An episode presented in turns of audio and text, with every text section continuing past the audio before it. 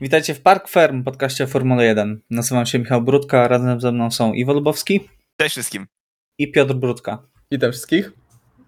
No i mamy za sobą chyba najlepszy wyścig tego roku. E, absolutnie fantastyczny weekend. E, zarówno sobota i deszczowe kwalifikacje, jak i niedziela, e, która o dziwo bez deszczu przyniosła nam ogromne ilości emocji mnóstwo strachu, myślę, yy, ekscytacji, yy, frustracji też dla niektórych kibiców na pewno.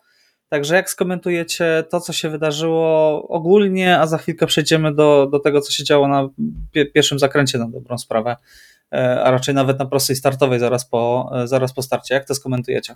No przede wszystkim tak, wyścig ekscytujący od początku do końca. Tak naprawdę był dosłownie mały, krótki fragment przed samochodem bezpieczeństwa, gdzie już się trochę powiedzmy zrelaksowałem i spodziewałem się, już, że już nic ciekawego nas nie spotka, a tu na szczęście zaskoczenie. Dziękujemy panie Esteban Okon. e, także tak, wspomnieliśmy to nazwisko w tym podcaście. E, się boli zepsuł. dramatyczny początek, Fajna walka, fajna walka po restarcie wyścigu, no i fenomenalny wyścig po samochodzie bezpieczeństwa już ostatnie kilkanaście okrążeń. Także jako całość, no chyba faktycznie najlepszy wyścig tego sezonu. Ten safety car pod koniec to była taka zmienna Latifiego bez Latifiego tym razem. tak. Formuła tak 1 się adaptuje do, do odejścia Latifiego po tym sezonie najprawdopodobniej i inni kierowcy przyjmują tą zmienną, ale rzeczywiście no tutaj e, awaria Okona w tym miejscu, e, w szczególności w tym miejscu napsuła, e, zepsuła no, Charlesowi Leclercowi cały wyścig na dobrą sprawę, bo możemy przypuszczać, że na tym pierwszym miejscu dojechałby już do końca. E, ale tak jak mówiliście, mówiliście, no fantastyczny weekend. Ja naprawdę zazdroszczę ludziom, który, e, którzy byli e, w, w zeszły weekend na Silverstone, bo i sobota e, była świetna kwalifikacja i niedzielny wyścig był, e, był super. I też e, wyścigi serii towarzyszących Formuła 2 i Formuła 3 też były naprawdę świetne, także tutaj naprawdę działo się bardzo dużo, wyścigi były genialne i miejmy nadzieję, że tylko, że więcej takich weekendów będziemy mieli w kalendarzu. No dobrze, to porozmawiamy o tym, co się wydarzyło Guan Zhou. E, no to był wypadek, jakiego no ja nie widziałem chyba bardzo długo, albo tak unikalnego, że tak powiem, nie wiem czy to jest dobre określenie, wypadku nie widziałem chyba nigdy. Mamy zderzenie e, na prostej startowej, mamy koziołkujący, znaczy przewrócony do góry nogami bolid, e, mamy później ten bolid w żwirze, który podbija się na tym żwirze, przelatuje nad barierą i zatrzymuje się dopiero na ogrodzeniu, które odgradza tor od trybun.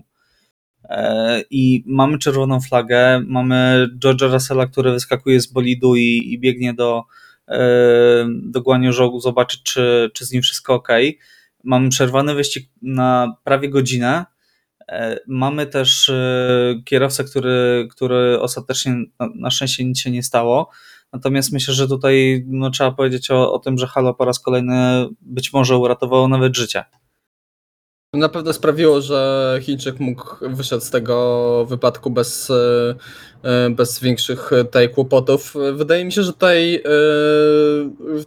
ten moment, w którym Halo najbardziej pomogło w przypadku Chińczyka, e, w przypadku tego, tego wypadku, to nawet nie sam moment, kiedy on sunął po, po asfalcie, E, do góry nogami, co już też było mocno straszne, ale te konstrukcje są na to, są do tego przystosowane. To już nawet przed erą Halo miewaliśmy takie wypadki, gdzie kierowcy, bardzo rzadko, ale zdarzało się, że kierowca lądował do góry nogami i zawsze wychodzili z tego e, cali zdrowi. Myślę, że tutaj Halo najbardziej, e, najbardziej zadziałało w momencie, w którym właśnie ten bolid wpadł pomiędzy barierę a ogrodzenie, bo nie wiem, czy widzieliście to, no pewnie widzieliście to zdjęcie, w którym ten tak. cały zepsuty bolid jest tam wciśnięty, a w środku jeszcze e, Guaniu siedzi cały czas w bolidzie i widać tam poobcierane to halo, także myślę, że tutaj e, w tym momencie mogło wydarzyć się coś, e, coś niedobrego. Znaczy, tam, tam były metalowe pręty za tymi oponami, tak? Y, Mhm. To była taka stalo, stalowa bariera z dosyć no, ostrym zakończeniem i nawet nie chcę, nie chcę myśleć, co by się tam mogło wydarzyć, tak gdyby nie, nie było halo po prostu na tym. Znaczy, w tym wypadku bardzo wiele rzeczy mogło pójść nie tak, Tak. i cieszmy się, że e, Formuła 1, FIA, inżynierowie e, idą cały czas w tym kierunku, e, żeby te samochody były coraz bardziej wytrzymałe, raz i dwa w przypadku właśnie przeróżnych wypadków, żeby kierowca mógł wyjść z tego cały i zdrowy, także myślę, że tutaj e, wielkie brawa dla FIA, że wyciągają wnioski z wcześniejszych wypadków, wielkie brawa dla inżynierów, którzy zbudowali takie e, a nie inne maszyny i, i no i co, no i Guan będzie mógł jechać e, e, w najbliższym weekendzie. Tak, no to jest, to jest niesamowite, że widzimy kierowcę po takim wypadku, jakby sam ten fakt, że czekaliśmy, nie wiem, 10 minut, o 7 minut, nie liczyłem, ale było to absurdalnie długo, jak na to, do czego jesteśmy przyzwyczajeni. Czekaliśmy na jakikolwiek obraz. Wiadomo, że... Już nawet Grożana szybciej pokazali, mam wrażenie. Tak, chociaż Tak. według Netflixa to trwało pół godziny, ale e, no, to były strasznie niebezpieczne minuty, jeżeli mogę tak to nazwać. Jakby właśnie od czasu Grożana jesteśmy przyzwyczajeni do tego, że już kierowcy, samochody i ogólnie powtórki z wypadków nie są pokazywane raz, drugi, trzeci, do momentu aż nie upewnimy się, że kierowcy są cali i dobrze. To akurat jest dobre zagranie. E, Myślę, że wszyscy się z tym zgadzamy. E, nie zmienia to to faktu, że... standard no, we wszystkich sportach teraz. tak, ale no dokładnie. Mm. Natomiast wcześniej, wcześniej ile razy oglądaliśmy Grożena wpadającego, wpadającego w barierę i rozbijającego swój samochód na pół. No to, to, było, to było straszne e, w tamtym momencie, a to było jeszcze nie tak dawno temu. E, No na szczęście nic nikomu się nie stało. Na szczęście też żaden odłamek nie poleciał w widownię. Na pewno nie większy, bo to Tak, też to, to, to było, niebezpieczne. niebezpieczne bardzo. Widziałem, widzieliśmy nagrania, bo gdzieś tam faktycznie one tam krążyły w sieci. kibice. E, na, tak, na, nagra, nagrania z, z trybun przy samej prostej startowej, gdzie no, ludzie zaczęli powoli już, no, uciekać w górę, bo, bo widzą, co się dzieje. E, także całe szczęście, że nie stało się nic z kierowcą, nie stało się nic e, Guan Yu, nie stało się nic e, Aleksowi Albonowi, który też wylądował w szpitalu. Oj, albo ta- to tam strasznie, to szczerze Tak. powiedziawszy, ten, no to wyglądało tak niewinnie, ale jak się zobaczy powtórkę, z, w szczególności z perspektywy Aleksa Albona, to tam strasznie był poobijany, bo raz dostało od Sebastiana Vettela w tył, później uderzył dosyć mocno e, prędkością ścianę. w betonową ścianę. E, później od tej betonowej ściany się odbił, dostał e, strzała, już nawet nie pamiętam od kogo, od jednego z kierowców, a na samym końcu jeszcze z jednej strony dostał strzała od e, Estebana Ocona, także tutaj naprawdę miał kompresję bardzo dużo uderzeń i też trzeba, trzeba się cieszyć i po raz kolejny brawa dla, dla inżynierów FIA, że te samochody tak absorbują te, te, te uderzenia, że kierowca wyszedł z tego cały zdrowy. Zgadza się. Także dużo szczęścia, wielu kierowców poszkodowanych tak naprawdę rykoszetem, no ale to jest sprawa zupełnie drugorzędna. Najważniejsze, że nikomu nic się nie stało. No, ja się powtórzę, ale no, należałem do osób, które były na początku przeciwne Halo i to jest po prostu niesamowite od wprowadzenia tego systemu, ile potencjalnie zawodników zostało uratowanych przez ten system, E, bo pamiętamy Leclerca w 2018 roku, pamiętamy, pamiętamy Hamiltona nawet rok temu, tak, kiedy w- we Włoszech Verstappen wylądował mu na głowie. W Formule 2 też mieliśmy w ten Właśnie miałem weekend powiedzieć, sytuację. Za weekend, tak. Roy Nissani e, i Hauger, tak? No, gdzie Hauger po fatalnym zachowaniu Nissanego, by the way, wylądował praktycznie no, na głowie, tak? E, Mhm. Nissanemu i, i to już naprawdę by się źle, źle skończyło. Myślę, Tak. że wszyscy możemy powiedzieć, że, że to skończyłoby się po prostu tragicznie, e, gdyby Halo nie było. E, Także no, brawa dla, dla Formuły 1, że, że byli w stanie to przeforsować, bo sami zawodnicy byli przeciwni temu. Tak? Tak? i jeszcze co w ten weekend e, Halo tutaj zadziałało, to e, ten kawałek przedniego skrzydła Charlesa Leclerca, który odpadł na prostej, roztrzaskał się właśnie o Halo Sergio Pereza, także tutaj też po raz kolejny można powiedzieć, e, uniknęliśmy zagrożenia, bo, bo jakby się to mogło skończyć, nie chcę się nawet zastanawiać, ale dobrze, że po raz kolejny zadziałało i też też za każdym razem, za każdą taką sytuacją też się biję w pierś, bo też byłem przeciwny. Uważałem, że no co, co to za zabezpieczenie, że to z mało co pomoże i poza tym wygląda tragicznie. E, Ja, przyszedłem, ja przyszedłem na gotowe. Mi się te bolidy od początku podobały. tak, no nasza perspektywa była zupełnie inna, ja nie kupowałem tego. Ja szczerze powiedziawszy, pierwszy raz pomyślałem, że okej, to, to m- ma sens w momencie, w którym e, zobaczyłem testy w Halo, e, gdzie z prędkością na chyba 300 km wyszczeli oponę Pirelli właśnie i e, ten pałąk w ogóle się nie, nie odkształcił, także tutaj no dobrze, dobrze, że mamy ten system, naprawdę. I to nie tylko w Formule 1, ale również w kategoriach juniorskich F2, F3 i F4, także e, nic tylko się cieszyć. No dobrze, to może przejdźmy do tego, co się działo już po wznowieniu wyścigu.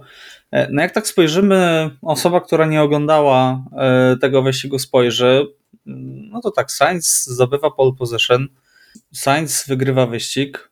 Mm, No okej, brawo, tak? Przełamał Carlos. zwycięstwo. Petelowe zwycięstwo, tak. E, Gratulacje, szampan, podbudowanie morale, tak. Natomiast no, nie wyglądało to tak różowo i szczerze powiedziawszy, dla, to, to było takie dosyć absurdalne zwycięstwo, bo dla mnie Carlos z całym szacunkiem no, nie zasłużył e, na, na, w pełni na to zwycięstwo, tak? Bo popełnił, po pierwsze, przegrał pierwszy start z Verstappenem, drugi start no też tak na granicy. Tam wypychał Charlesa w barierę, później na tej tarce Charles, y, przepraszam, Max stracił. Później błąd na dziesiątym okrążeniu i stracenie prowadzenia. Później naprawdę kiepskie tempo. No, Sainz miał gorsze tempo Niż uszkodzony niż Charles. uszkodzony Charles Leclerc, tak? Niż I Lewis uszkodzony Hamilton. i Lewis Hamilton, tak? O Hamiltonie na pewno porozmawiamy jeszcze, bo to, co zrobił Mercedes, to, to naprawdę też czapki z głów. Natomiast e, no, jeszcze ta decyzja później o e, no, pi- picie, tak, które da, da mu zwycięstwo no, na dobrą sprawę, nie oszukujmy się. Jak to skomentujecie, to pierwsze zwycięstwo? Bo tak e, rozmawialiśmy, że musiałyby nastąpić jakieś niesamowite okoliczności, żeby Sainz wygrał wyścig. No i chyba trochę, trochę takie okoliczności nastąpiły. Tak, Tak. tak. Nastąpiły przede wszystkim dlatego, że wpadł ten kawałek bolidu Yukiego Tsunody najprawdopodobniej pod bolid Ma- Maxa Verstappena, bo gdyby, gdyby nie to, no to, no to Max Verstappen zakładam, że wygrałby ten wyścig, a tutaj Ferrari stanęło przed możliwością zdobycia dubletu. E, Wystarczyło tylko i aż rozegrać to dobrze strategicznie, e, rozegrać to strategicznie rozsądnie, tak żeby zmaksy- zmaksymalizować punkty. Ja tutaj też nie chcę trochę wyjść na hipokryta, chociaż i tak trochę hipokrytą będę, bo zawsze powtarzam, że nie, że jestem przeciwny Team Orders, żeby jak kierowca jest szybszy, to powinien wyprzedzić i uzyskać pozycję na torze. Jednakże w tej sytuacji ja kompletnie nie rozumiem Ferrari i to, co Ferrari zrobiło. Czemu tak długo czekało z tą decyzją? Czemu tą decyzję podjęło tak późno, żeby e, Charles Leclerc w końcu wyprzedził Carlosa Sainza, kiedy Hamilton y, stratę z 7 sekund bodajże, czy 6 sekund z, zbił do 2,5 sekundy. Także tu, tu jest pierwsza niedorzeczna sytuacja. A to, co się zadziało przy e, safety carze, czemu bolid, który prowadzi, nie zjechał do alei serwisowej. Ja, nie jestem w stanie tego wytłumaczyć, naprawdę. no tłumaczenie, tłumaczenie były trochę absurdalne. W sensie, czysto teoretycznie patrząc, nie znając za bardzo niuansów tego sportu, można powiedzieć, że dobrze, kierowca prowadzi, chcemy go utrzymać na prowadzeniu, ale to były stare, twarde opony. Może nie były bardzo stare, ale no, przy świeżych softach po prostu no, nie mają żadnego podejścia. Też sytuacja dla mnie jest zupełnie niezrozumiała. Tłumaczenie, tłumaczenie dla tłumaczenia. Jakby ciężko było coś innego wymyślić tak naprawdę.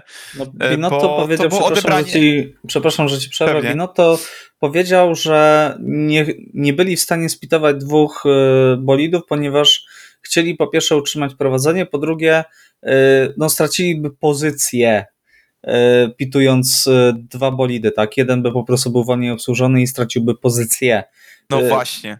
Pozycję, nie pozy- jedną Nie trzy pozycję. czy cztery pozycje, tak. To zamiast No, tylko- dwie, super. No właśnie, tylko że tłumaczono to, że straciliby na dobrą sprawę, nie wiem, Binotto próbuje to mówić, jakby tam sześć bolidów jechało zaraz za nimi. Natomiast sytuacja wyglądała tak, że jechał tylko Hamilton, a potem no potem był Sergio Perez, który był 40 sekund dalej, tak? Także tam żadnego zagrożenia, straty wielu pozycji nie było. A co No. więcej, e, Carlos Sainz w momencie, kiedy był komunikat o safety carze, zwolnił znacznie i tak, żeby właśnie zrobić jak najwięcej miejsca zespołowi, żeby mogli zrobić podwójny pit stop. On bez na dobrą sprawę polecenia zespołu zaczął zwalniać. Coś trochę jak e, Valtteri, Valtteri Bottas Mhm. w trakcie e, w Grand Prix Arabii Saudyjskiej, tylko mniej tak jednoznacznie, tak, mniej ostentacyjnie, dokładnie. Także e, tu było czas i tym bardziej, że to jeszcze jakby ten safety car został ogłoszony tuż przed e, zjazdem, e, w momencie, w którym e, jeden i drugi bolid był tuż przed zjazdem do boksu. No to wiadomo, mało czasu, za późno podjęli decyzję, nie podjęli tej decyzji tak, e, tak, e, tak szybko. Ale tutaj mieli do momentu, aż Charles Leclerc e, był na wysokości zjazdu do boksu, mieli ponad 11 sekund. Ja wiem, że można powiedzieć, że no 10-11 sekund to nie jest aż tak dużo, ale no w Formule 1 to jest kawał czasu i to jest mnóstwo czasu, żeby podejmować takie decyzje. Także no y, Charles Leclerc może być, poczuć się w 100% y, no, ograbiony przez zespół, bo był jedynym bolidem, który został na twardych oponach y, po tym safety carze. Jedynym. to nie ma szans, to nie ma żadnych szans na walkę. Tutaj była próba, była walka, z, krótka walka z Sańcem, ale ja też nie kupuję tego tłumaczenia. Uważam, że warto było zaryzykować podwójny pit stop nawet na rzecz utraty pozycji, na rzecz Hamiltona, e, którego umówmy się, no wydaje mi się, że Charles w swoim Ferrari, e, będąc szybszym, z uszkodzonym skrzydłem niż Carlos Sainz, no wyprzedził Hamiltona. Myślę, że bez walce, ale bez jakichś potężnych problemów. Ale jakby Tak. zjechał, jakby zjechał Charles Leclerc, to byśmy w ogóle nie dyskutowali, nie zastanawiali się na ten temat, no bo tak. wyjechał pierwszy. Właśnie Tak, to jest, oczywiście, o, to jest to, że oczywiście. jedynym Powiem problemem byłoby to, że event, w najgorszym wypadku dla Ferrari Carlos Sainz skończyłby trzeci, a nie drugi. Gdyby nie paraliż sytuacyjny Ferrari, e, gdyby po dwóch dosłownie okrążeniach e, Sainz w tej pierwszej fazie tak puścił Leclerca, to na dobrą sprawę e, Ferrari miałoby czas wymienić skrzydło nawet Leclercowi, bo myślę, że by odskoczył spokojnie od Sainza na 7-8 sekund. No wiesz co, tutaj to aż tak daleko bym nie szedł, bo jednak e, wymiana skrzydła w tym roku jest o wiele bardziej skomplikowana o wiele cięższa niż to było w latach poprzednich. To widzieliśmy e, na przykładzie Sergio Pereza, że ten pistop naprawdę trwał tam chyba z 14 sekund czy 12 sekund, także to naprawdę dużo czasu było i może nie aż tyle czasu, ale tak, żeby zjechały dwa bolidy i, i, i wymienili ją pone na spokojnie. No słuchajcie, nawet jeśli nie, tak, to rozłam w Ferrari aż huczy po prostu od tego, co się działo po, po wyścigu. E, Leclerc nie poleciał do Maranello, Ma- Maranello, poleciał od razu do Monaco i wczoraj wieczorem e, Binotto był widziany w Monaco na spotkaniu z Charlem, gdzie tam zdaje się próbował łagodzić sytuację. E, Dodatkowo podobno mechanicy, którzy obsługiwali Charla w ogóle nie chcieli wyjść na świętowanie zwycięstwa Sańca. No to już jest bardzo poważny zespół i bar, bardzo poważny bardzo poważny zgrzyt w zespole. E, No i robi się afera, tak, no bo to nie jest pierwszy raz w tym sezonie, kiedy Leclerc no, traci punkty przez zespół, tak. E, W piątek minie dwa, dwa miesiące od kiedy Leclerc stał na podium. Mieliśmy w tym czasie pięć wyścigów. To jest jak na kierowcę, który jest liderem zespołu po pierwszej części sezonu, e, no to jest wynik tragiczny, tak? E, Szczególnie, że miał walczyć o mistrzostwo. Dokładnie. M- Miał walczyć o mistrzostwo i tak. Po Miami e, jechał na prowadzeniu w Hiszpanii, awaria bolidu. W Monaco ograbiony przez zespół i taktykę ze zwycięstwa i z podium, czwarte miejsce. E, W Azerbejdżanie, w Baku jechał na prowadzeniu awaria, awaria silnika. W Kanadzie była wymiana części, tak, wymiana silnika i start z tyłu stawki. Dojechał na piątym miejscu. W Wielkiej Brytanii znowu jest sytuacja, w której no, został skazany na pożarcie. Trzeba oddać Charlesowi, że biorąc pod uwagę, jak stare miał opony i jak miał uszkodzony bolid, no to ta walka w końcówce była po prostu heroiczna, tak? To jak on się próbował utrzymywać e, w tej walce, która myślę, że była najlepszą walką od na pewno w tym sezonie, ale myślę, że te pojedynki e, trio Perez, Hamilton, Leclerc i gdzieś tam z tyłu jeszcze Alonso to było najlepsze, co widzieliśmy, jeżeli chodzi o walkę bolidów no, w ostatnich latach, tak? Mhm. Nawet, nawet pokuszę się o to, tak, bo, bo widzieliśmy, że te bolidy zostało wykorzystane to, te wszystkie zmiany regulaminowe, tak, te bolidy naprawdę mogły jechać blisko siebie, w każdym zakręcie praktycznie zmieniały się pozycje i nie wiedzieliśmy, co będzie dalej, tak, była twarda walka, bez odpuszczenia, trochę nawet wyrzucali się poza tor, ale było to jednak wszystko w granicach fair, sędziowie nie mieli z tym problemu. Tak, dokładnie, ta walka na sam koniec była naprawdę fantastyczna. Eee, no, tak jak mówisz, no, ten obrazek, te, te okrążenia, to, ten pojedynek e, zapamiętamy e, naprawdę na długo i tym bardziej e, jeśli chodzi właśnie o tą czystą jazdę, że tutaj nie było jakiegoś wypychania, nawet jak tam ktoś kogoś trochę wypchnął, to też w takich miejscach na torze, gdzie tam było wyasfaltowane pobocze i, i ten kierowca od razu wracał bez jakichś większych problemów. Ja pozwolę sobie zacytować tutaj Louisa Hamiltona, który też pochwalił i też był zachwycony tą walką pod koniec i e, powiedział tak w wywiadzie dla Sky, że Charles wykonał niesamowitą robotę, że co za genialna walka. To bardzo rozsądny kierowca, a to spora różnica w porównaniu z tym, co doświadczyłem w poprzednim roku. Na przykład eee. przez Kops przejechaliśmy bez żadnych problemów. Ojej. Ale widzieliśmy, ale, ale linią tym razem jechał, ale widzieliśmy, jaką linią jechał tym razem Lewis Hamilton przyklejony do tarki. Więc... Tak, no, no, no, Można było jechać inaczej, można było jechać inaczej, dokładnie. No, można było, tylko kierowca po wewnętrznej musiał jechać w wężej, no głupia sprawa. No takie wiesz, klasyczne wink-wink, tak? Tak, dokładnie. E, no tak, no słuchajcie, niesamowita walka naprawdę. E, też trzeba przyznać, że e, no, robią, robią wrażenie te bolidy, tak? To już myślę, że możemy naprawdę powiedzieć, że udała się ta zmiana. E, może nie jest jeszcze super idealnie, żeby wyrzucić DRS, tak jak Piotrek sobie marzy. E, natomiast... Piękna wizja. Rozmarzyłem się. Natomiast i tak myślę, że jest naprawdę fantastycznie i to jest taka Formuła 1, e, po którą można kochać, tak? Ja, ja na naszej konwersacji grupowej na Facebooku napisałem, że to są takie popołudnie, za które po prostu kocham ten sport, tak? E, bo szczerze powiedziawszy, takich emocji e, jak pod koniec wyścigu, no to ciężko szukać w innych sportach, naprawdę. No dobrze, e, to porozmawiajmy o tym, co się działo z Red Bullem. Verstappen, myślę, że strasznie pechowy weekend dla niego. W kwalifikacjach na dobrą sprawę był jak maszyna, aż do ostatniego przejazdu, kiedy na dobrą sprawę Leclerc mu zabrał to pole position, bo wywołał żółtą flagę i Max musiał, musiał zwolnić. Natomiast w wyścigu też y, no, pierwszy start wygrał, czerwona flaga.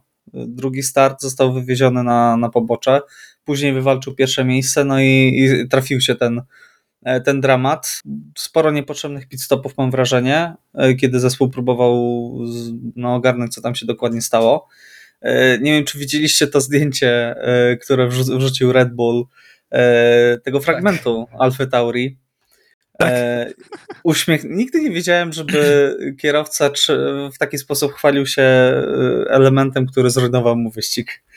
Tak. No myślę, że w momencie, w którym zobaczył, że Max Verstappen był na czwartym, że Charles Leclerc skończył ten wyścig na czwartym miejscu, to myślę, że e, no nawet tak. Max Verstappen mógł sobie odpuścić i uznać, że no dobra, no spoko, nie, nie wyszło tak, tak tragicznie, tak. jak Przede wszystkim być. zdobył jakieś punkty, dojechał ten wyścig, to nie była mm. dla niego tak potworna strata, jaka faktycznie mogłaby być, jaka była dla wielu kierowców.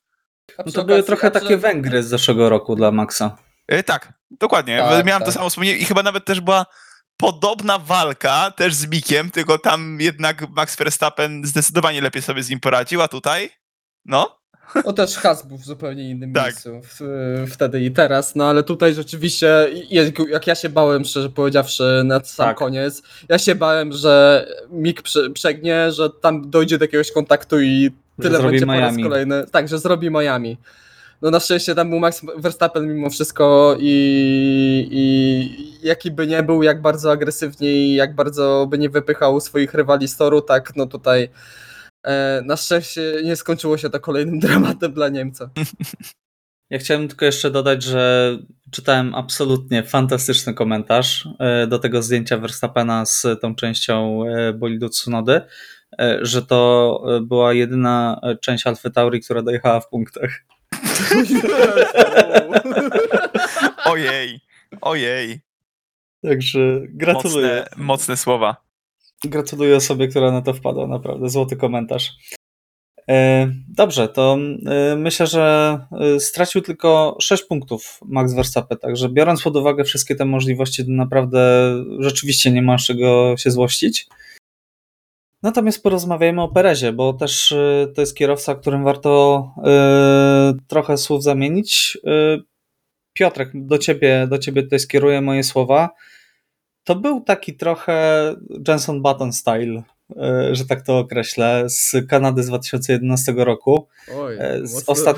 e, no, z ostatniego miejsca na dobrą sprawę dzięki bardzo dobrej jeździe i no, pomyślnym wydarzeniom na torze przebił się z ostatniego miejsca na drugie, tak? Tam no niewiele zabrakło mimo wszystko do wygrania, Tak, tak? tak, tak, Gdyby wygrał ten wyścig, to rzeczywiście można by porównywać. No oczywiście tutaj w przypadku y, Jensona Buttona tam było wiele więcej tych. Y, No, sześć pit stopów tam było, tak? Sześć pit stopów tam była. y, Kapeć po ko- kontakcie z, z Hamiltonem, tam była wymiana przedniego skrzydła, po wymianie za, po kontakcie z Alonso była kara drive-thru.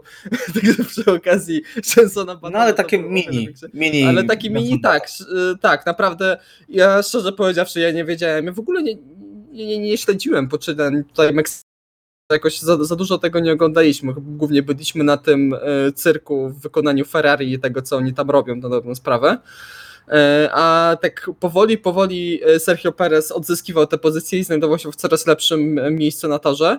I naprawdę du- duże brawa. Po raz kolejny pokazał, że mimo tego, że no nie ze swojej winy na pierwszym, e, na pierwszym e, okrążeniu doszło do tego, do czego doszło, no to zacisnął zęby i e, przez resztę wyścigu pojechał naprawdę fantastycznie i myślę, że gdyby ten wyścig potrwał dłużej, to, to by go wy, wygrał, bo raz na, w tempie wyścigowym wydaje mi się, że Red Bull teraz jest szybszy, a dwa, no no Sainz miał kiepskie tempo w niedzielę, no po prostu miał kiepskie tempo. Z całej tej czwórki, yy, czwórki która była z, z przodu, yy, czyli Leclerc, yy, Perez, yy, Hamilton i yy, to myślę, że właśnie Sainz miał najgorsze tempo i gdyby tam było parę okrążeń dłużej, no to myślę, że Perez mógłby nawet wygrać i to byłaby naprawdę fantastyczna, fantastyczna historia wtedy.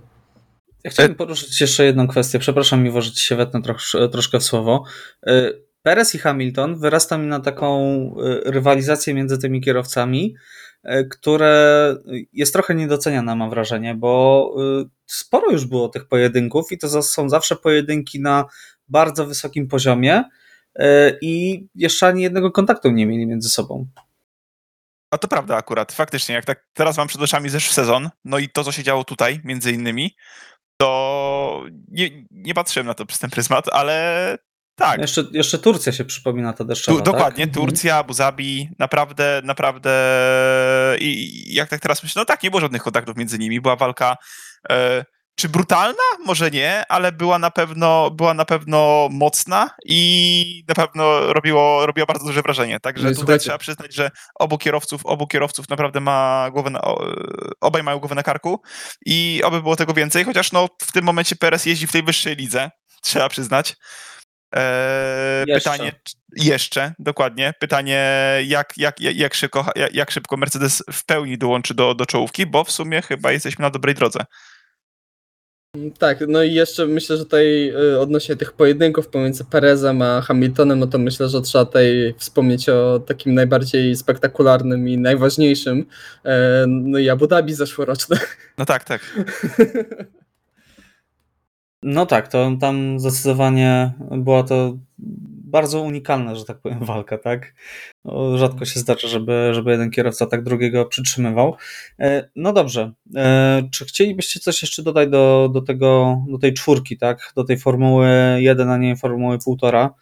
E, Wiem, że zaraz podniosą się głosy, że Mercedes tutaj wrócił. Za chwilkę o nim porozmawiamy spokojnie, Szczerze mówiąc, ja tylko dodam jedną rzecz. tak? Naprawdę jakąś taką miałem cichą nadzieję, szczególnie po wyprzedzeniu Hamiltona dwóch kierowców e, pod sam koniec, e, czyli tam chyba Pereza i Leclerca. Mhm. Naprawdę, gdyby nie Sainz, który już zdążył odjechać, naprawdę był pierwszy raz, kiedy liczyłem, że Lewis Hamilton wygra ten wyścig. Szczerze. No, Kibicowałem i ja, trzymałem za to ja, bym kciuki. Ja bym się nie obraził, szczerze powiedziawszy, pomijając y, już narzekania, dlaczego wyjechał za dwoma Ferrari i dlaczego wyjechał tak daleko y, po swoim pit stopie. No, ja jak to E, usłyszałem, to już wiedziałem, że Lewis wrócił. Że to jest tak, ten tak, dlaczego. to jest ten Hamilton, który poczuł krew, ale naprawdę miał fantastyczne Lewis tempo. E, A co do pierwszej czwórki, to jeszcze te obroty w kwalifikacjach e, Maxa Verstappena, w szczególności ten pierwszy wyjazd na Q3 e, i to jak się obrócił, zrobił obrót 360 stopni, a i, I tak powiedział, uzyskał trzeci czas. opony. I, I- powiedział, że dogrzewa a. opony przed I- kolejnym okrążeniem. i e, uzyskał trzeci czas, a z drugiej strony na ostatnim przejeździe Charles Leclerc, który nie wiadomo dlaczego, ale kamery nam tego nie pokazały. A ja E, widziałem nagranie. Tak, ja też widziałem nagranie i Charles Leclerc również zrobił obrót o 360 stopni. W tym samym miejscu dalej. chyba nawet. E, Wydaje mi się, że tak. Nie jestem do końca pewny. Albo mi się wydaje, że wcześniej po wyjeździe z, ba- z Magazine Bagac. Nie wiem, nie jestem pewny. E, Ale. Bo to było jakieś nagranie fana z, z trybun. E, Ale i też Charles Leclerc dojechał tam to kółko i do swojego najlepszego czasu tam stracił to chyba tylko dwie czy trzy- trzy dziesiąte. Także no, jeden i drugi naprawdę e, w sobotę fantastyczne kółka. I co, tak jak zawsze liczyliśmy na suche kwalifikacje i mokre, e, mokre wyścigi, to myślę, że tutaj ostatnie dwa weekendy nam pokazują, że kwalifikacje na mokrym też są fajne. No tak, zdecydowanie. Ja jestem ogólnie rzecz biorąc przekonany, że y, było do wyciągnięcia dużo więcej z tego czasu, który zdobył pole position w kwalifikacjach. Tam gdyby jeden kierowca złożył takie czyste okrążenie, y, to myślę, że że czas byłby lepszy co najmniej o sekundę. No gdyby, gdyby Leclerc się nie obrócił, to to jest, to jest to, bo wtedy i Leclerc by poprawił czas i Verstappen by poprawił czas. No dobrze, to w takim razie porozmawiajmy o Mercedesie. E, Mercedes wrócił. Tak się śmialiśmy, tak się już podśmiewałem trochę z Mercedesa w poprzednim odcinku, e, że już zapowiadają, że po raz 30 wrócą w tym sezonie.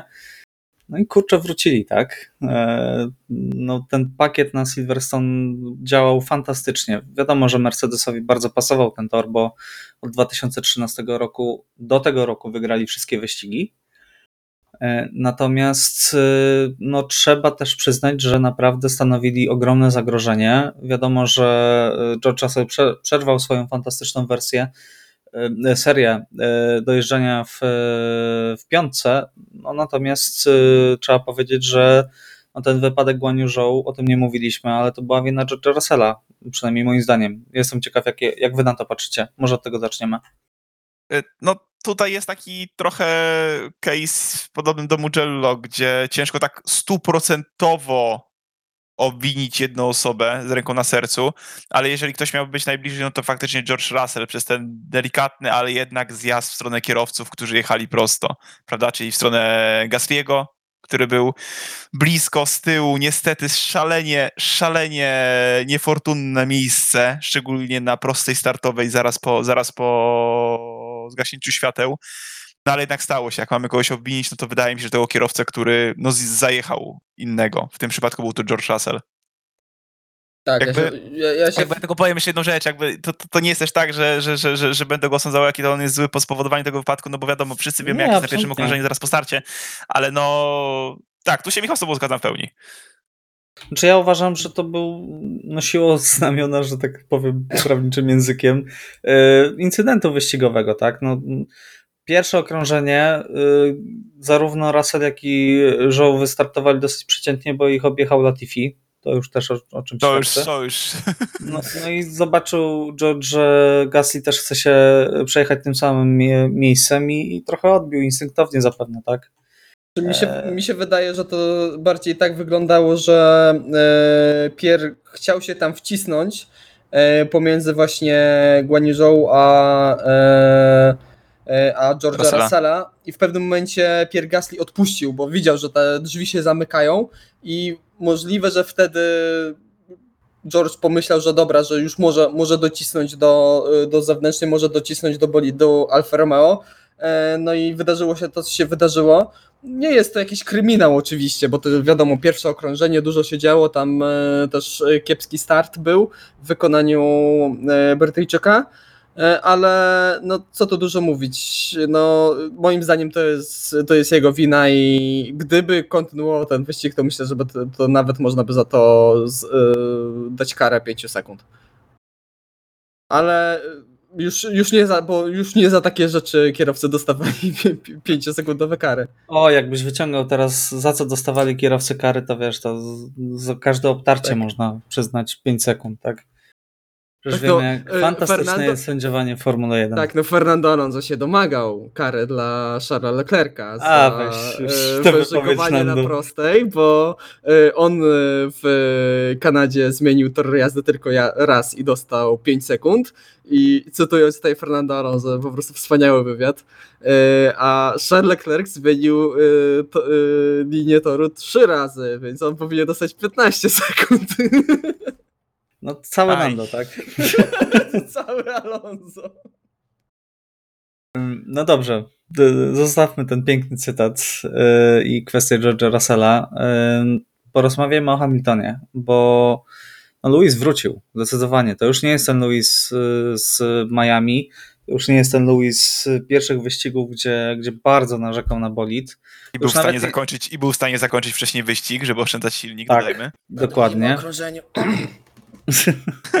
To już jest Lewis, który naprawdę poczuł, że na weekend fight, e, że tak zacytuję e, Nando.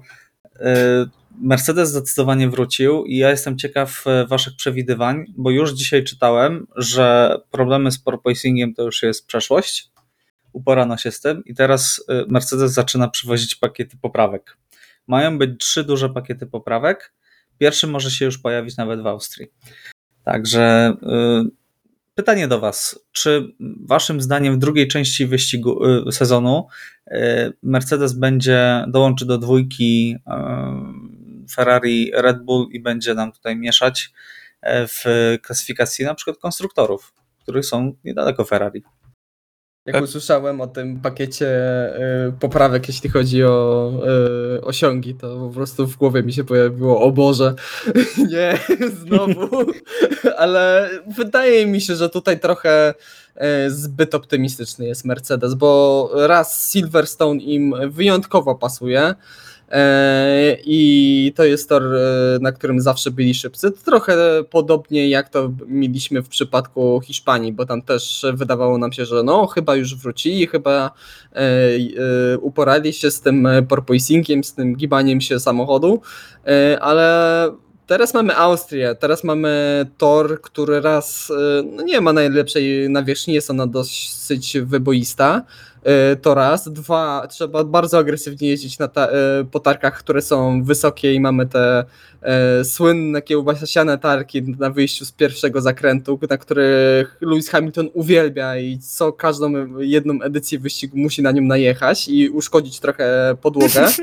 Co trzeba przyznać, że w tym roku będzie jest bardzo. bolesne. Także, e, także zobaczymy. Ja bym nie byłbym jeszcze takim optymistą. No, jeżeli rzeczywiście udało im się rozwiązać ten problem, zrozumieli go, wyeliminowali go, no to wydaje mi się, że mogą tutaj do- dociągnąć i biorąc pod uwagę, jak równy jest George Russell i to, że Lewis Hamilton może znowu e, poczuć chęć do ścigania, do takiego bardziej e, konkretnego, powiedzmy, Do, wa- do walki. do faktycznie walki. O, o, o bo- porządne punkty. Tak, tak, bo właśnie y, jak gonił te Ferrari, jak zbliżał się do y, Charlesa Leclerca, to, to nawet jak oglądaliśmy, powiedziałem, że o, poczuł krew, że wrócił ten Hamilton, że to już jest ta jazda, że to już jest to zawzięcie, y, które widzieliśmy y, u Luisa w ostatnich sezonach, to myślę, że... No i te komunikaty o oponach, że No moje tak, opony są jeszcze fantastyczne. No, po, powróciły demony po prostu.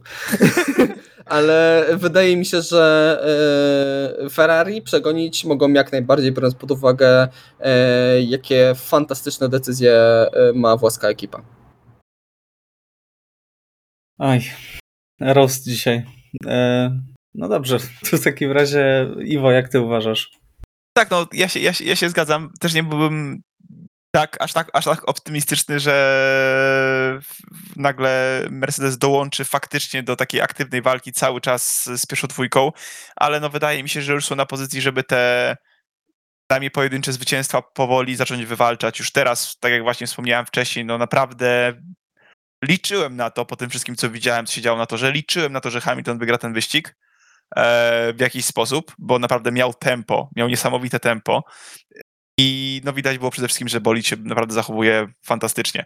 Także będzie takim e, no już jakby to nie jest zespół, który może stać czarnym koniem tego sezonu, no bo to jest Mercedes, on jest mocnym zespołem, prawda? To jest mistrz świata aktualnych konstruktorów. Tak, tak, dokładnie, dokładnie. No ale wiem, jak się zaczynał sezon. E, także, także aż takiego zaskoczenia nie będzie, ale no naprawdę liczę na to, że wrócą do wygrywania.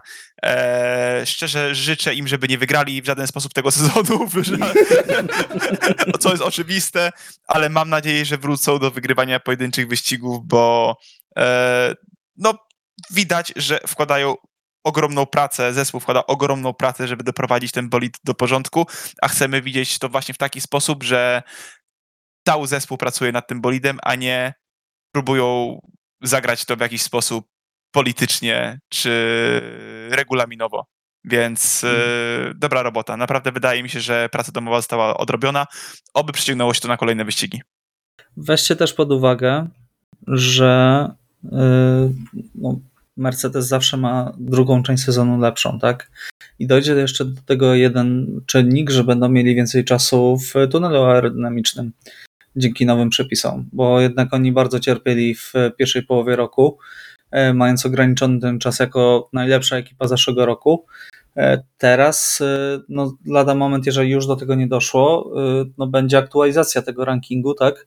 No i Red Bull będzie najbardziej ograniczony czasowo, natomiast no, najwięcej czasu no, będzie miał z tej trójki najlepszej Mercedes. Też jestem ciekaw, jak to wpłynie tutaj na walkę między tymi zespołami. Czy to, czy to w ogóle zauważymy, tak? Bo to jest dosyć e, no, ciężkie do, do zauważenia gołym okiem. No myślę, że tutaj największa różnica to będzie w tej drugiej połowie stawki, że tam będziemy rzeczywiście widzieli te różnice pomiędzy tym, kto jest tam e, najwyżej na tym czwartym miejscu, a kto jest e, na tym dziewiątym albo dziesiątym miejscu w klasyfikacji generalnej, bo, no, bo tutaj pomiędzy tą trójką to myślę, że to aż takiej różnicy nie zrobi. Miejmy nadzieję, że właśnie tamte ekipy z dołu, jako że będą miały znacznie więcej czasu, powoli, powoli będą zmniejszały tę stratę do tych czołowych ekip. Zwłaszcza, że już pojawiły się pierwsze wersje regulaminu sportowego mm, na przyszły rok i wielkich poprawek nie ma. Także jest szansa na to, że trochę się nadgonią te zespoły, które były z tyłu. A rozmawiając o zespołach, które są trochę z tyłu, mamy walkę już chyba dosyć wykrystalizowaną o czwarte miejsce w konstruktorach. Walczą trzy ekipy, moim zdaniem. McLaren, Alpine i Alfa Romeo. Kolejność 73, 67 51 punktów. Natomiast y, nie ukrywam, że ja bardziej stawiam na tą pierwszą dwójkę, czyli McLaren i Alpine. I widzieliśmy bardzo ciekawą walkę y, w ostatnim wyścigu. Praktycznie przez cały wyścig y, walczył ze sobą Alonso z Lando Norrisem. E, I jak stawiacie na tej y, walce? Czy tutaj macie jakiegoś faworyta, czy kibicujecie jednej i drugiej drużynie, co ewentualnie muszą poprawić te zespoły, żeby wyjść na czoło i zawalczyć o to czwarte miejsce w konstruktorach? No, przede wszystkim, no, biorąc pod uwagę rozłożenie punktacji. Myślę, że chyba każdy z nas widzi, jaki problem ma w tym momencie McLaren, a mimo wszystko prowadzi w tym pojedynku.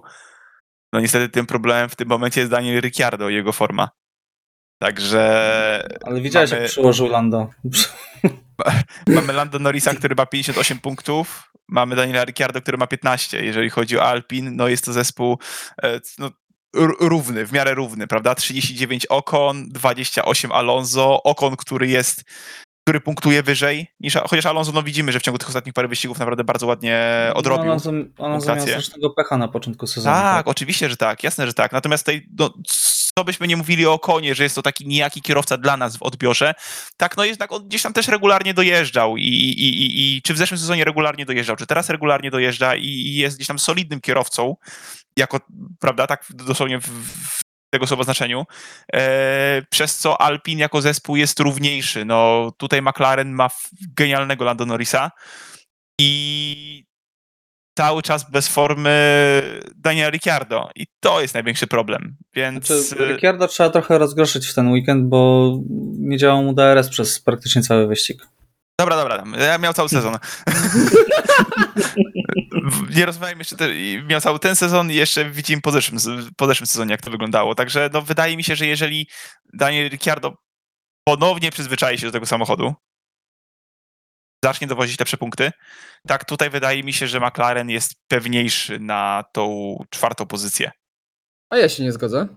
E, ja w tej walce na, o czwarte miejsce stawiam tutaj na Alpin, bo e, z, jeśli chodzi o czysto kwestię kierowców, to wydaje mi się, że Alonso trochę już odzyskał, powiedzmy, formę. Już nie, nie, nie ma takich e, tylu pechowych i niezbyt ciekawych e, końców e, sytuacji w wyścigu, gdzie albo to jakaś awaria, albo to jakiś kontakt, nie wiadomo, albo to jakaś zła decyzja strategiczna. No, pomijając tą Kanadę, gdzie mógł skończyć o wiele, wiele wyżej.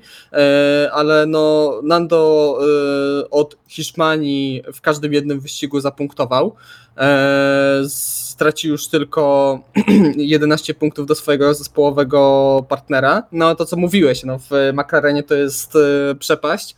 E, Daniel Ricciardo, no tragiczny wyścig, nawet pomijając ten DRS, no to tempo jakie miał, no było fatalne, no.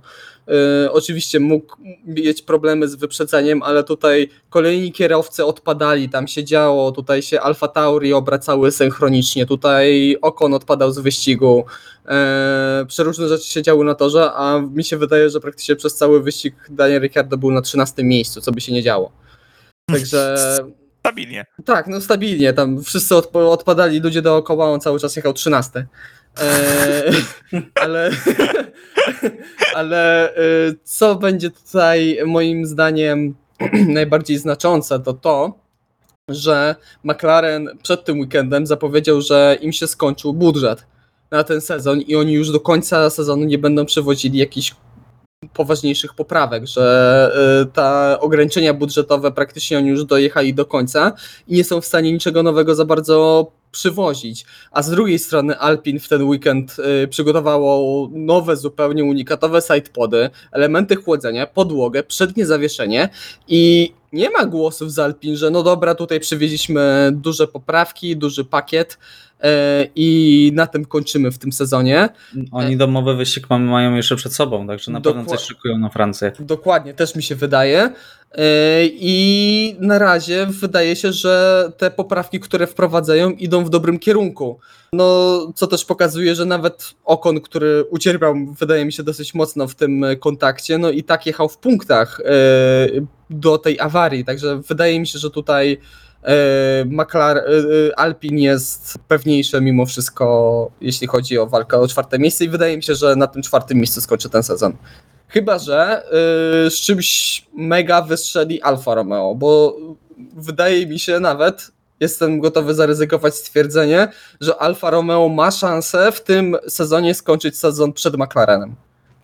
O, no to już jest odważny, odważne stwierdzenie. Tak, bo, bo ja biorę, wiesz co, bo ja biorę cały czas pod uwagę dosyć, y, dosyć poważnie tę właśnie deklarację, że McLaren nie będzie rozwijał już bolidu do końca sezonu, że oni będą leciutkie, malutkie poprawki dawali, a zarówno ze strony y, Alpine, jak i Alfa Romeo, popraw mnie jeśli się mylę, no nie słyszałem takich, takich, takich no. stwierdzeń. No ja czytałem, że Alfa Romeo miała przywieźć jeszcze nowe przednie skrzydło, ale zrezygnowała z jego produkcji e, z powodu właśnie budżetu.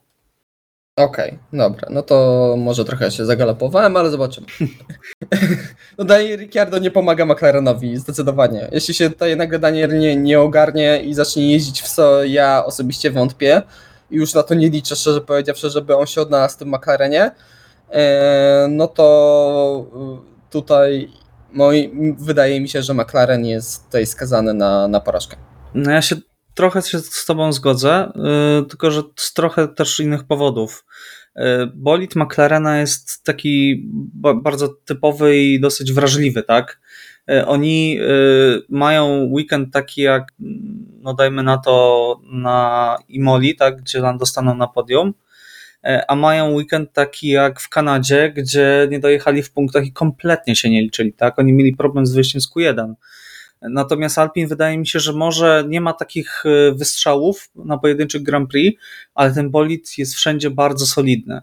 I to jest taka podstawa do zdobywania e, punktów, natomiast e, no minusem Alpin jest na pewno ilość awarii, tak?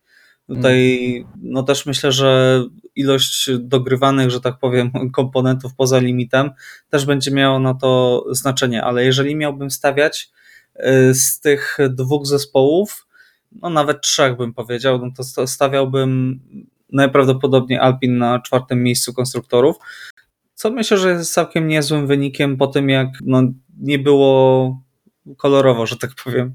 No, best of the rest. No właśnie, best of the rest, a, a, przypominam, co się działo przed sezonem, gdzie y, zmienili szefa zespołu, gdzie wydawało się, że chodziły plotki, że nie trafili kompletnie z koncepcją bolidu, tak? Zresztą podobnie było w McLarenie. McLarenie przecież była taka stypa po pierwszym wyścigu, że. Po testach. Jezu, po testach, tak. Po testach to tam naprawdę taki depresyjny nastrój był, że to było coś strasznego. Dobrze, przejdźmy dalej, bo się strasznie y, rozgadaliśmy, a już, już y, no, 50 minut no, zaraz stuknie albo już stuknęło. Ciekawy wyścig był. No, no tak. E, to pokrótce może już nie, nie rozlokajmy tego. E, Has jak na złość nam zrobił, prawda? W zeszłym tygodniu tyle się rozwodziłem, że no Haas to jeździ szybko, szybko w kwalifikacjach, wolno w wyścigu. No to nie wyszli z Q1 w kwalifikacjach i podwójne punkty w wyścigu, przełamanie Schumachera. Schumacher walczy z Verstappenem. Co to się Dawaj, wydarzyło? Michał. Tak. Przepraszam, przepraszam Ginter, tak? Jeszcze jak żartowaliśmy, że żadnych poprawek nie przywożą, tak? A przywieźli pakiet poprawek. Pomcy. Jedyne w tym sezonie najprawdopodobniej, ale przywieźli. Jak widać zadziałały. Także jak skomentujecie przełamanie Schumachera, bo to zanosiło się na te punkty od dłuższego czasu, e, ale jednocześnie no jakoś te punkty nie przychodziły. Już nawet czytałem, że zespół dał mu ultimatum. Cztery wyścigi na zdobycie punktów. No i jakby widać, czasami trzeba zmotywować, prawda, swojego, swojego kierowcę. Zadziałało. Bardzo, bardzo, bardzo udany wyścig tego kierowcy. No wiadomo, że skorzystał z tego, że wielu innych kierowców szybszych odpadło, ale no widzieliśmy też wcześniej Schumachera, który nie, po, nie potrafił wykorzystywać danej mu szansy, także cieszę się, mam nadzieję, że z tego przełamania coś wyjdzie lepszego, że zacznie punktować regularnie, jak będzie się zbliżał do tej dziesiątki, co będzie się zdarzało częściej, chyba, że reszta zespołów będzie się bardziej dozbrajać w poprawki, jak dobrze wiemy, no Haas już tego nie zrobi raczej. No tak, dokładnie. Tak, bardzo dobrze to ująłeś. Piotrek, chciałbyś coś tutaj dorzucić?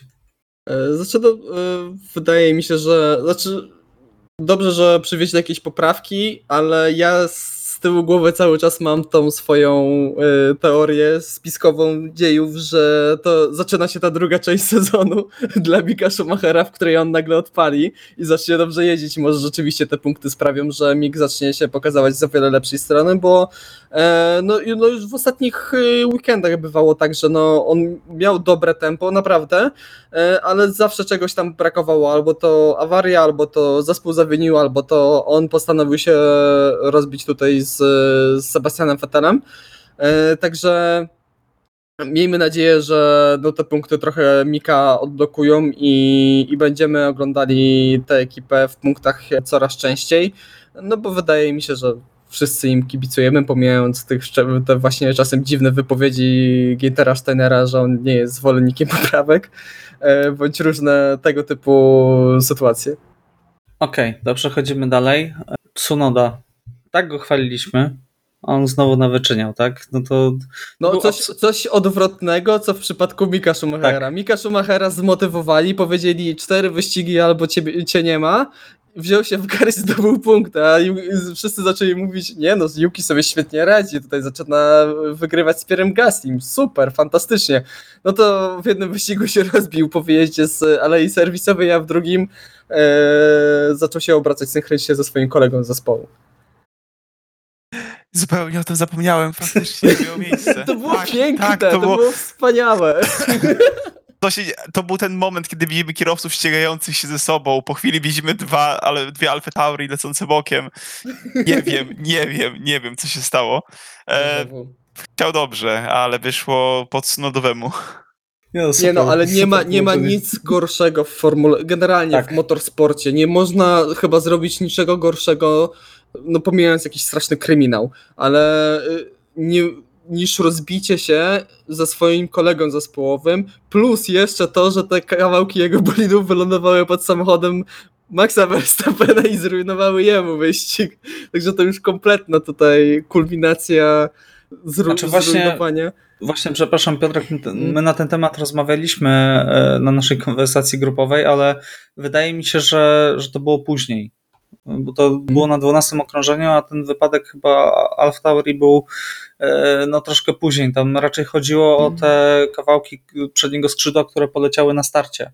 A, może. No to tutaj duży minus po stronie porządkowych, że tego nie posprzątali, biorąc pod uwagę, że mieliśmy prawie godzinę czerwonej flagi. Wiadomo, że tam były protesty i trzeba było zakuwać ludzi w międzyczasie, ale no takie rzeczy trzeba sprzątać, żeby właśnie, żebyśmy właśnie nie mieli takiej sytuacji. No bo wiadomo, tutaj czasem może taki odłamek polecieć, być podbity w powietrze przez jakiś bolid i drugi nadjeżdżający.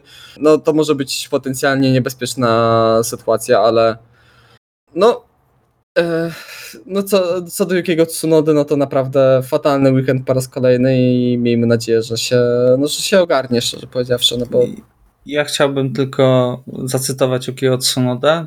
Myślę jednak, że mogłem poczekać na kolejną okazję do wyprzedzenia go.